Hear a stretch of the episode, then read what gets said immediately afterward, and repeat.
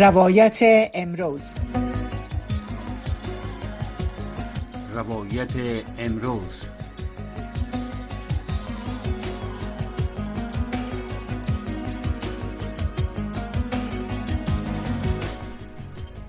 عرض سلام و وقت بخیر دارم دوستای عزیز شنونده و بیننده. خوش آمدید و برنامه این ساعت ما که به میزبانی من سهر اسمی برای شما تقدیم میشه. در برنامه امروز موضوع برنامه ما اطلاف جنبش های اعتراضی زنان افغانستان هست که در نشست مطبوعاتی در مورد کارکرد سازمان یونما انتقاد کردن و خواستار بسته شدن این نهاد به خاطر عدم توانمندی به خاطر حمایت از کارمندان زنش شدند. پیش از اینکه بحث امشب با دو مهمان عزیز ما آغاز کنیم از شما می‌خواهیم که مشروع اخبار افغانستان منطقه و جهان را از همکاران بشنوید. سلام و وقت همه شما بخیر شنونده های عزیز. دیپلمات های ارشد ایران، پاکستان، روسیه و چین در نشست غیر رسمی درباره افغانستان که امروز پنجشنبه 13 اپریل با میزبانی ازبکستان در شهر سمرقند برگزار شده بود از تهدید ناشی از فعالیت گروه های توریستی مستقر در افغانستان هشدار دادند.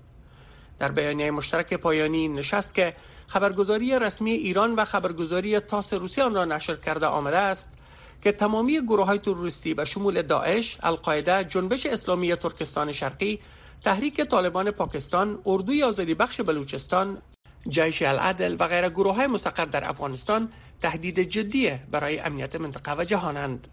جزیات بیشتر از رویا زمانی در این بیانیه از طالبان خواسته شده است تا بر اساس تعهدات این گروه اقدامات جدی را در زمینه مبارزه با تروریسم انهدام و از بین بردن انواع گروه های تروریستی و منظور جلوگیری از استفاده از خاک افغانستان توسط هر گروه تروریستی اتخاذ کند. بیانیه مشترک نشست سمرقند همچنان تاکید کرده که ایالات متحده امریکا و متحدانش باید مسئولیت وضعیت دشوار کنونی در افغانستان را به عهده بگیرند باید فورا تحریم های یک جانب علیه افغانستان را بردارند و دارایی های آن در خارج از افغانستان را به نفع مردم این کشور مسترد کنند. همزمان با برگزاری نشست وزیران خارجه کشورهای همسایه افغانستان بر علاوه روسیه هیئت طالبان به رهبری امیرخان متقی سرپرست وزارت خارجه حکومت طالبان به ازبکستان رفته است. در بیانیه از طالبان خواسته شده است تا یک حکومت فراگیر با مشارکت عملی همه اقوام و نهادهای سیاسی ایجاد کند و تمام اقدامات محدود کننده علیه زنان و اقلیت های قومی را لغو کند سفارت چین در افغانستان با نشر اعلامیه موقف بیجینگ را در قبال افغانستان واضح کرده و گفته است که امیدوار است حکومت به گفته سفارت چین موقت افغانستان از حقوق اساسی و منافع تمام مردم این کشور به شمول زنان، کودکان و گروه های قومی حفاظت کرده و در راستای رسیدگی به منافع مردمش و توقعات جامعه بین‌المللی فعالانه کار کند. در اعلامیه بدون ذکر نام حکومت طالبان گفته شده است که بیجینگ امیدوار است افغانستان با تمامی کشورها به ویژه کشورهای همسایهاش تبادلات دوستانه داشته باشد اداره هماهنگی امور کمک های بشری سازمان ملل متحد یا اوچا می گوید که بودجه در نظر گرفته شده برای کمک های بشری به افغانستان در حال ختم شدن است و این امر زندگی میلیون ها انسان را در خطر قرار می دهد. اوچا گفته است که در حال حاضر به دلیل کمبود منابع بسته غذایی به نصف رسیده است و اگر بودجه به گونه عاجل دوباره احیا نشود میلیون ها نفر در افغانستان با قحطی خشکسالی بیماری های گوناگون و مرگ مواجه خواهند شد. این نهاد سازمان ملل متحد بر ضرورت حضور زنان در ادارات سازمان ملل تاکید ورزیده و گفته است که اگر ادارات کمک رسانی بخواهند از وقوع بدترین حالات جلوگیری کنند و با کمک های اساسی و با کیفیت به جمعیت نیازمند دسترسی حاصل کنند حضور کارمندان محلی زن در این ادارات ضروری می باشد گزارش سالانه دو نهاد حقوق بشری در مورد وضعیت ایران نشان می دهد که در سال 2022 میلادی کم از کم 582 نفر توسط دستگاه قضایی جمهوری اسلامی ایران اعدام شدند که 75 درصد بیشتر از سال پیش از آن است. بر اساس پانزدهمین گزارش مشترک سالانه سازمان حقوق بشر ایران و با هم علیه مجازات اعدام تعداد کسانی که در سال 2022 در ایران اعدام شدند بالاترین رقم در هفت سال گذشته است. تهیه کنندگان گزارش می‌گویند که جمهوری اسلامی از مجازات اعدام به عنوان راه برای ایجاد حراس اجتماعی و منظور حفظ قدرت استفاده می کند. مقامات جمهوری اسلامی ایران تا زمان تهیه این خبر در رابطه ابراز نظر نکردند. ادامه خبرهای منطقه و جهان را از رادیو آشنا میشنوید. جو بایدن رئیس جمهور ایالات متحده امروز پنجشنبه با مایکل هیگنز همتای آیرلندی خود در اقامتگاه رئیس جمهور آیرلند دیدار کرد قرار است در جریان این دیدار آقای بایدن زنگ صلح را به صدا درآورد. آنچه در سال 2008 به مناسبت دهمین سالگرد توافق جمعه خوب که به چندین دهه خشونت در آیرلند شمالی پایان داد رونمایی شد. در جریان این سفر جو بایدن از قصر کرلینگ فورد نیز دیدن کرد. آخرین محلی که جدش اوین فینیگن حین عزیمتش به نیویورک در سال 1849 دیده بود. قصر سفید با انتشار بیانیه اقدام کره شمالی را در آزمایش یک میزایل بالستیک دوربرد به شدت محکوم کرد و آن را نقض وقیحانه قطنامه های متعدد شورای امنیت سازمان ملل متحد خواند.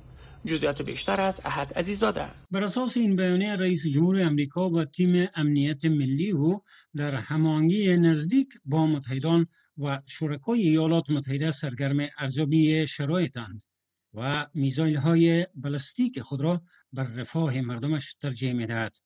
کوریای جنوبی و ژاپن اعلام کردند که کوریای شمالی امروز پنج شنبه نوع جدید از یک میزایل بلاستیک را به سمت جزیره هوکایدو در ژاپن شلیک کرد و این باعث شد تا ساکنان این جزیره در معرض خطر قرار گیرند.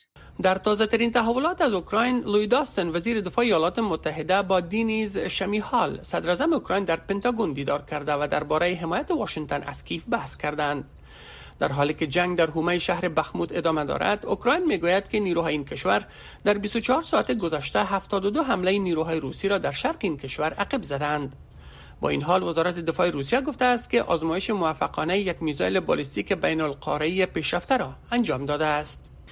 در همین حال مقامات اوکراینی روز چهارشنبه تحقیقات در مورد یک ویدیوی را آغاز کردند که در آن نشان می‌دهد یک سرباز اوکراینی را سر می‌برند. شبکه های خبری صحت این ویدیو را تصدیق کردن نتوانستند اما ولادیمیر زلنسکی رئیس جمهور اوکراین گفته است این ویدیو بیانگر یک حقیقت است که در اوکراین جریان دارد. این ویدیو حقیقت را نشان می‌دهد که جهان نمی‌تواند از آن چشم پوشی کند و آن اینکه چگونه این افراد وحشی انسان می‌کشند. این ویدیو کشتار زندانیان اوکراینی را نشان می‌دهد. جهان باید آن را ببینند. دمیتری پسکوف سخنگوی کرملین این ویدیو را وحشتناک خواند اما گفت که صحت آن باید تایید شود. پایان خبرهای افغانستان منطقه و جهان از رادیو آشنا صدای امریکا. شنوندگان گرامی خوش آمدید به برنامه روایت امروز که به میزبانی من سرازمی برای شما تقدیم میشه. طوری که پیشتر هم ذکر کردم میهمانای بحث امشب ما خانم مونسه مبارز از پیش قدم های اعتراضات زنان در افغانستان و همچنین لیلا بسیم عضو رهبری جنبش خودجوش زنان معترض افغانستان که داد دقایق بعد با ایشان صحبت می‌کنیم. بحث امشب را با خانم مونسه مبارز آغاز می‌کنیم. خانم مبارز شما در رابطه به ممنوعیت کار زنان در سازمان ملل از سوی طالبان که بحث قابل پیش بینی بود. دیروز در یک قطنامه کنفرانس مطبوعاتی هم داشتین میشه در رابطهش اول برای ما معلومات بتن سلام و درود خدمت شما و به خدمت شنونده های رادیو آشنای صدای آزادی. دقیقا قطنامه که از آدرس اطلاف جنبش های معترض دیروز نشر شد در یک کنفرانس خبری. همین هفته ما یک کنفرانس خبری از آدرس اطلاف جنبش های معترض در افغانستان داشتیم. البته یک کنفرانس پیرامون مسدود کردن یا بسیار کردن دروازه دفتر یونما بود و همچنان اعضای اطلاف جنبش های معترض در اسلام آباد هم تا یک کنفرانس مطبوعاتی عین قطعنامه و عین موضوع را داشتیم که تا یک کنفرانس مطبوعاتی برسانه ها شریک ساخته شد. بفرمایید ادامه البته در شک نیست که تمام دنیا میدانه که جنبش های اعتراضی زنان در افغانستان تقریبا در حدود دو سال است که در مقابل یک گروه جهل و مستبد مقاومت می‌کنن و ایستادگی می‌کنن و در این مسیر مبارزاتی معترضین زیادی بازداشتن سرکوب شدن محکوم شدن شکنجه و ظلم شدن. ولی به حال صدای آزادی خواهی مردم و موج اعتراضات زنان هیچگاه خاموش نشد.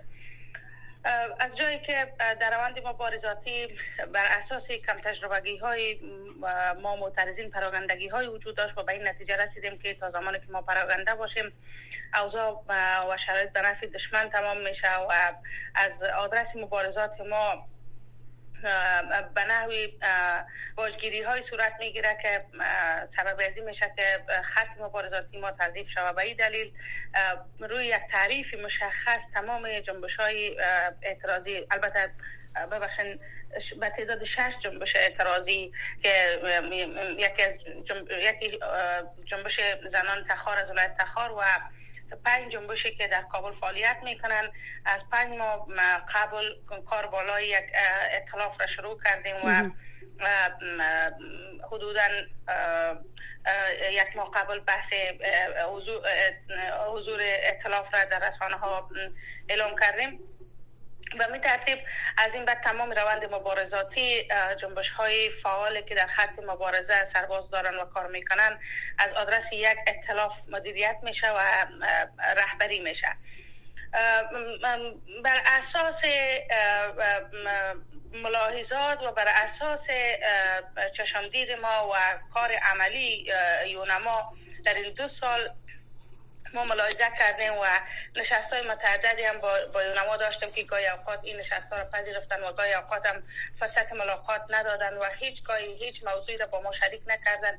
و به مرور زمان روش طالب راهبرد سرکوبگر طالب برای یونما به یک به یک روش عادی تبدیل شد و در این اواخر ما قطعا در برابر موارد نقض حقوق بشری جنایات و خصوص بازداشت معترضین.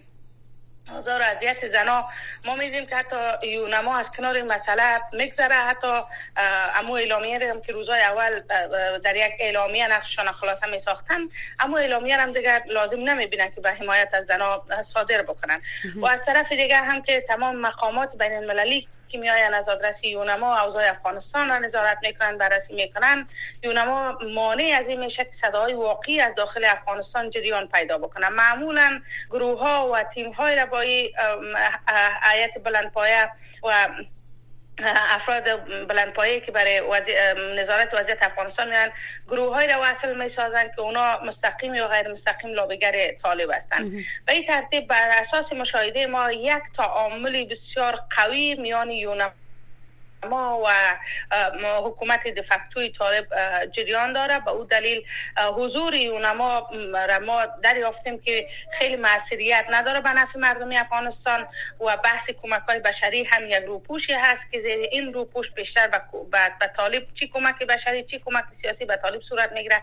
به او دلیل ماموریت یونما را ما بیشتر به این نتیجه رسیدیم که کاملا یونما به یک دفتر سیاسی و به یک راهنمای معاملات سیاسی سیاسی و به یک آدرسی که برای طالب باجدهی می‌کنه و برای طالب لابی می‌کنه تبدیل شده با او دلیل چون معصریت نداشت. ما بر اساس واقعیت هایی که مشاهده کردیم و این نتیجه رسیدیم. جنبش های اعتراضی زنان افغانستان که تا یک کنفرانس مطبوعاتی موقف خود اعلان بکنیم که بودن دفتر یونما و فعالیت دفتر یونما هیچ تاثیر مثبتی برای کنترل وضعیت در افغانستان نداره و هیچ نوع تاثیرگذاری بالای گروه طالب نداره بنان وقتی که منف مردم افغانستان نیست لازم نیست این دفتر باز باشه و این دفتر به نوع مستقیم و غیر مستقیم تصویر مشروعیت طالب را به جهان معرفی بله. بکنه و بیشتر طالب را به یک سیستم باجگیری عادت بده. و این دلیل صدا بلند کردیم که دفتر معاملات سیاسی و میمانخانه طالب باید بسته شود. خانم مبارز شما اشاره کردین که بیشتر نقش یونما در حال حاضر بیشتر به عنوان یک دریچه به خاطر کمک های سیاسی و طالبان هست. در حالی که ما در گذشته اعلامی های متفاوت از این سازمان دیدیم در رابطه با زنان مخصوصا شما نشست های داشتین در گذشته هم زمانی که اعتراضات در افغانستان جریان داشت از سوی زنان با مقامات یونما آیا فکر می‌کنین این واکنشی که شما امروز به اداره یونما دارین بیشتر به خاطر آزردگی از درست رسیدگی نکردن به وضعیت زنان هست یا فکر می‌کنین بیشتر جنبه عملی شویی که نتانسته کار در یک نیم سال یا دو سال انجام بده می باشه ببینین ما جز اینکه با طالب سر مبارزه و مقاومت داریم با هیچ آدرس دیگری نه سر دشمنی داریم و نه سنگرگیری داریم و نه جبهگیری داریم. مبارزه ما یک مبارزه مشخص و تعریف شده است. در مبارزه ما ارزش ها و هدف ها مشخص است. مسیر مشخص است. ما به او دلیل جنبش های متعدد گروه های مختلف از شروع مبارزات چندین باری با هیئت یونما نشست کردن با خانمی که قبلا رئیس یونما بود بعد ماموریت بانو رایز بود. ماموریت چون تکمیل شد رفتن با اونا دیدن کردیم با آقای اسکات اسمیت که معاون سیاسی دفتر اونما هست. بله. دیدار کردیم. حتی ما در صحبت هایشان چیزای امیدوار کننده دریافت نکردیم. حتی از صحبت هایشان را ما دریافت نکردیم که از زنای افغانستان حمایت می‌کنن فقط نقششان را به خاطر فریب افکار عامه در حد اعلامی ها خلاص اعلامی ها خلاصه ساخته بودن. ما در یک نشست با آقای اسکات اسمیت خیلی تند رفته بودم. و همه خانمایی که اونجا اشتراک کرده بودن درخواست از داشتن که بار دیگر باید با طالب برخورد جدی از آدرس جامعه بین المللی صورت بگیره. و آقای اسمیت با بسیار تندی برای ما گفت که ما 20 سال در افغانستان جامعه جهانی حضور داشت و رهبرای شما خیانت کردن و برای منافع ملی و مردمشان کشورشان هیچ برنامه نداشتن. تا 20 سال ما حمایت کردیم. نمیشه که همیشه حمایت بکنیم. و اونجا دیدم که کاملا رویه چیز دیگری است. برای ما گفتن که هر گروهی از شما میای. امروز ما با هفت گروه ملاقات کردیم. این هفت گروه هفت تصویر از افغانستان ارائه می‌کنن. به این معنا که غیر مستقیم نشان داد که شما مردمایی هستین که موقف ثابت ندارن آدمای باثباتی نیستین ملت باثباتی نیستین. در گفتارتان کسی میای از طالب لابی می‌کنه کسی میای طالب تخریب می‌کنه. اما چیزی امیدوار کننده برای حمایت زنان نداشتن. فقط نقش یونما که بیشتر ماموریت اونما تامین سال حفظ سال ماموریت سازمان ملل تامین سال حفظ سال و گسترش سال در جهان است و نمایندگی های اونما در هر کشور اما هدف را در لایه های متعدد تعقیب می‌کنه.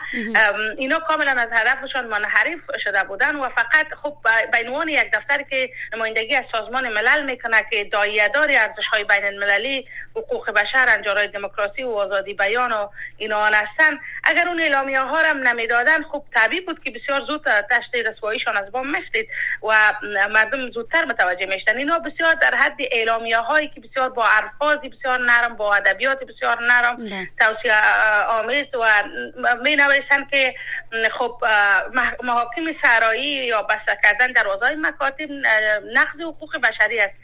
فکر می‌کنم که مردم افغانستان نمی‌دونن که جنایت چیست جنایت چیست قباحت چیست نقض حقوق بشری. چیست محرومیت حق شهروندی چیست حقوق اساسی چیست فکر می‌کنم ما با این چیزا نابلد هستیم. در طول 20 سال خارجی ها بخصوص غربی ها در مسائل افغانستان که داخل بودن یک اشتباهشون همی بود که بیشتر به خود باور داشتن که همه چیزا می‌فهمن. را دیدشون به مردم افغانستان بود که اینطور بود که اینا هیچ چیزی را نمی‌فهمن. بنابراین هر پالیسی و برنامه که هیچ نوع با واقعیت های افغانستان سر سازگاری نداشت. از هر گوشه جان کاپی کردن آوردن در افغانستان تطبیق کردن که نتیجه همی شد.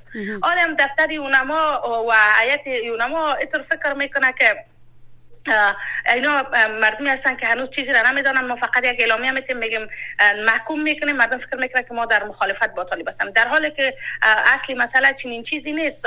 خود بانو اوتونبایوف در نشستی که یک ماه قبل در سازمان ملل بود پشت دروازه های بسته با تعداد کشورهای منطقه که درگیر مسائل افغانستان هستند با نماینده هایشان صحبت کرده بود که فشار بالای طالب به نتیجه شما باید روی تعامل را بگیرین.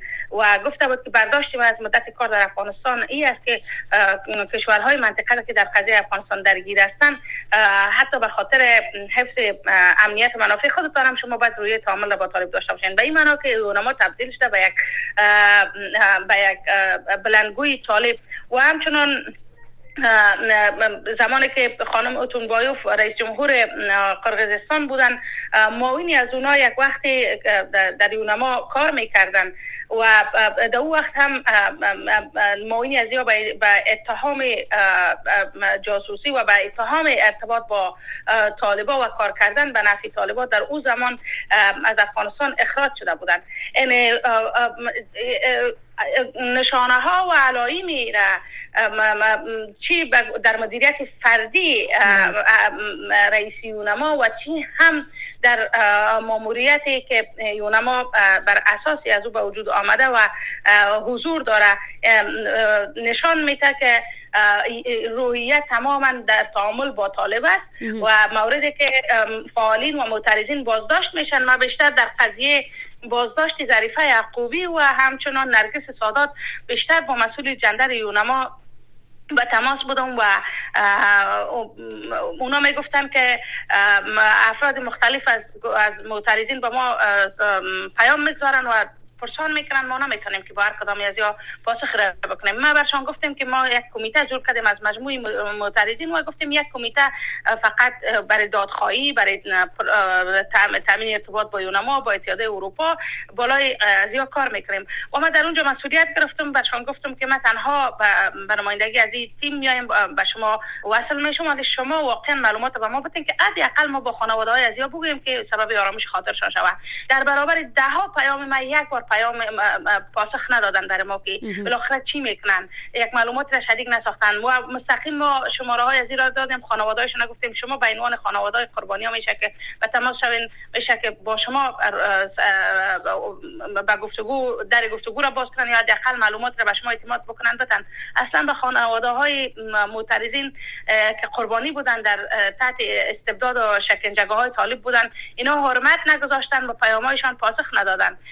پس به این معنا هست که اینا به گونه واقعی کنار زنای افغانستان نه تنها کنار زنای افغانستان کنار مردم افغانستان نیستن. بله. و فقط در این وقتا اگر شما متوجه شده باشین که تمام نقش یونما را آورده بودن در کمک های بشری تقلیل داده بودن در حالی که ماموریت یونما هم تنها کمک های بشری نیست. و دیگه ای که در داخل خود یونما میکانیزم های تامین شفافیت وجود نداره که کمک هایی که از طریق یونما channel میشه در داخل یونما چگونه میکانیزم های شفافیت وجود داشته باشه؟ تمام روز از کانتینرهای زیادی اینا چند منزل دفاتر شعبه جور می‌کنن. و پرسونل انترنشنال بسیار با ماش بلند چون اونجا تکس بلند می‌پردازن استخدام می‌کنن. ولی معلوم نیست این هم افراد چی کار می‌کنن. بالاخره بله. چی کار می‌کنن که در افغانستان فقر مزمین وجود داره جنایت وجود داره نسل کشی وجود داره نقص حقوق بشری وجود داره قتل مردم پنشیر وجود داره کوچ اجباری مردم فاریاب و تخار وجود داره بازداشت سرکوب معترضین وجود داره. اینا دیگه چی کار می‌کنن؟ کدام قسمتی مسئله را تونستن کنترل بکنن یا نظارت بکنن. هیچ نوع گذاری پس کمک های بشری هم وقتی که اینا میگن کمک های بشری وقتی که کمک های بشری اینقدر فراوان و اینقدر فراگیر است. پس چرا در وضعیت مردم افغانستان هیچ تغییری به وجود نمیاد؟ در وضعیت اقتصادی مردم افغانستان که مردم هنوز اولادشون میفروشه بله. دخترها را به منظور تامین منافع اقتصادی خانواده حل مشکل اقتصادی خانواده ها به ازدواج اجباری میتن مردم اعضای بدن سودا می‌کنن. وقتی که یونما اینقدر مسئولیت داشته باشه که در قریه قریه کمک برسانه پس این همه وضعیت مردم چرا تغییر نمی‌کنه.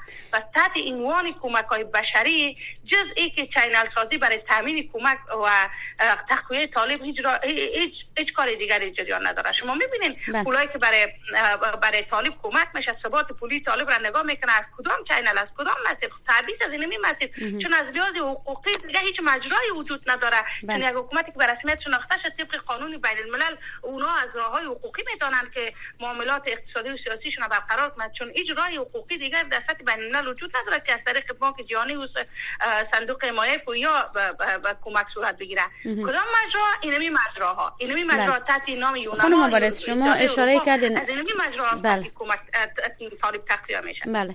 شما هم جانبه در رابطه به آنچه در افغانستان میگذره و آنچه مردم احساس می‌کنن صحبت کردین. با پافشاری شما هم به بسته شدن یونما هم ما تا حدودی صحبت های شما را شنیدیم. به نظر شما جایگزین برای یونما در شرایط فعلی کی می‌تونه کدام نهاد می‌تونه باشه؟ اگر یونما هم در افغانستان فعالیتش به اتمام برسانه پس چه مجرای باقی مانده از, از سازمان های بین المللی در افغانستان می‌تونه اصلا صدای مردم رو بکشه؟ فکر نمی‌کنین سانسور و, و محدودیت ها از این اندازه که داره بیشتر میشه؟ ببینید وقتی که یونما بزرگتر سازمان ملل بزرگترین سازمان بین المللی است. امروز که پیشتر هدفش ما تذکر دادم. بله. وقتی جامعه ملل ایجاد شد به منظوری از اینکه دیگر جنگ در, در جهان جنگ جهانی یا جنگ های بزرگ اتفاق نفته وقتی نتانست از جنگ دوم جهانی جلوگیری بکنه پس هم فلسفه وجودی سیر سوال رفت جامعه ملل از بین رفت. سازمان ملل با وجود آمد برای تامین صلح حفظ صلح و گسترش صلح در جهان وقتی که اینا از چنین نمایندگی چنین آدرس قوی در سطح جهان باشن که جهان را مدیریت کنترل بکنه و اینا نتانن که مسئولیت را برای کارمندای خودشان تامین بکنن. اینا نتانن که از حقوق بشری کارمندای خودشان حمایت بکنن. اینا نتانن از زنایی که در تشکیل خودشان کار می‌کنن حراست بکنن. اینا دیگه چی کاری کرده می‌تونن شما فکر می‌کنید چی توانایی دارن دیگه؟ چی کاری باید بکنن؟ امی اکنون که اتحادیه اروپا حضور دارن جز از اینکه بحث سیاسی حفظ موقف نمایندگی یا 27 کشور اروپایی در افغانستان برای از اینکه از سیاسی نفوذگذاریشان داشته باشن که در خلای اطلاعات قرار نداشته باشن جز اینمی کار دیگه چی کاری را انجام میده ما وقتی که در مظاهره 13 آگوست دختران لطکوب شدن معترضین ما 29 نفر زخمی داشتیم ناشی از لطکوب با قنداق اصلا با میل اصلا ما تلفن را برداشتم به سرپرست اتحادیه اروپا تماس گرفتم گفتم همه قدر دخترها زخمی داریم ولی هیچ کدام از این امکانات از نداره که به دکتر مراجعه بکنه یا یک بسته بنداج بخره شما از شما درخواست کمک می‌کنم چی کار کرده می‌تونن نه گفتن ما معذرت می‌خوایم که ما هیچ نوع کمک اضطراری را فعلا امکاناتش نداریم. نمایندگی 27 کشور اروپایی. بیشتر از یک کارتن دوا و چند بسته بنداج و چند بوتل تینچر دیگه چیزی لازم نبود. وقتی که اینا در این حد نتوانن کاری بکنن شما فکر می‌کنین که بودنشان برای تغییر در وضعیت زندگی مردم برای از مردم مورد استبداد ظلم قرار نگیره کاری کرده می‌تونه. پس وقتی که یونما نمی‌تونه با او همه قدرتش با او همه صلابتش که امروز جهان را مدیریت می‌کنه او دفتر و اون نمایندگی نتونه در افغانستان کاری بکنه. دیگه چی؟ هیچ نهادی هیچ انجوی نمی‌تونه کاری بکنه. چون ما اصلا در مسائل بسیار در شکلیات مسئله درگیر هستیم. بله. هر چقدر بالای شکلیات یک مسئله شما ببینین دیوار از تهداب اگر جور نباشه. شما قدر رو دیزاین بکنین آخر, یک روز فرو, فروریز میشه. ما بیاین مشکل اگر اینا واقعا صادقانه کار می‌کنن مشکل از اساس از تهداب باید حل بکنن. ما نیازمند یک حکومت یک ساختار همه شمول هستیم. ما نیازمند انتخابات هستیم. حکومت بر اساس رای مردم بیاید. مردم در حکومت سهیم باشن. مردم حکومت را نماینده خود بدانند. حاکمیت قانون به وجود بیاید. تمام قوانین لغو قرار داده شده. تمام امور کشور توسط فتوای چند تا دین فروش و دکاندار دین مدیریت میشه.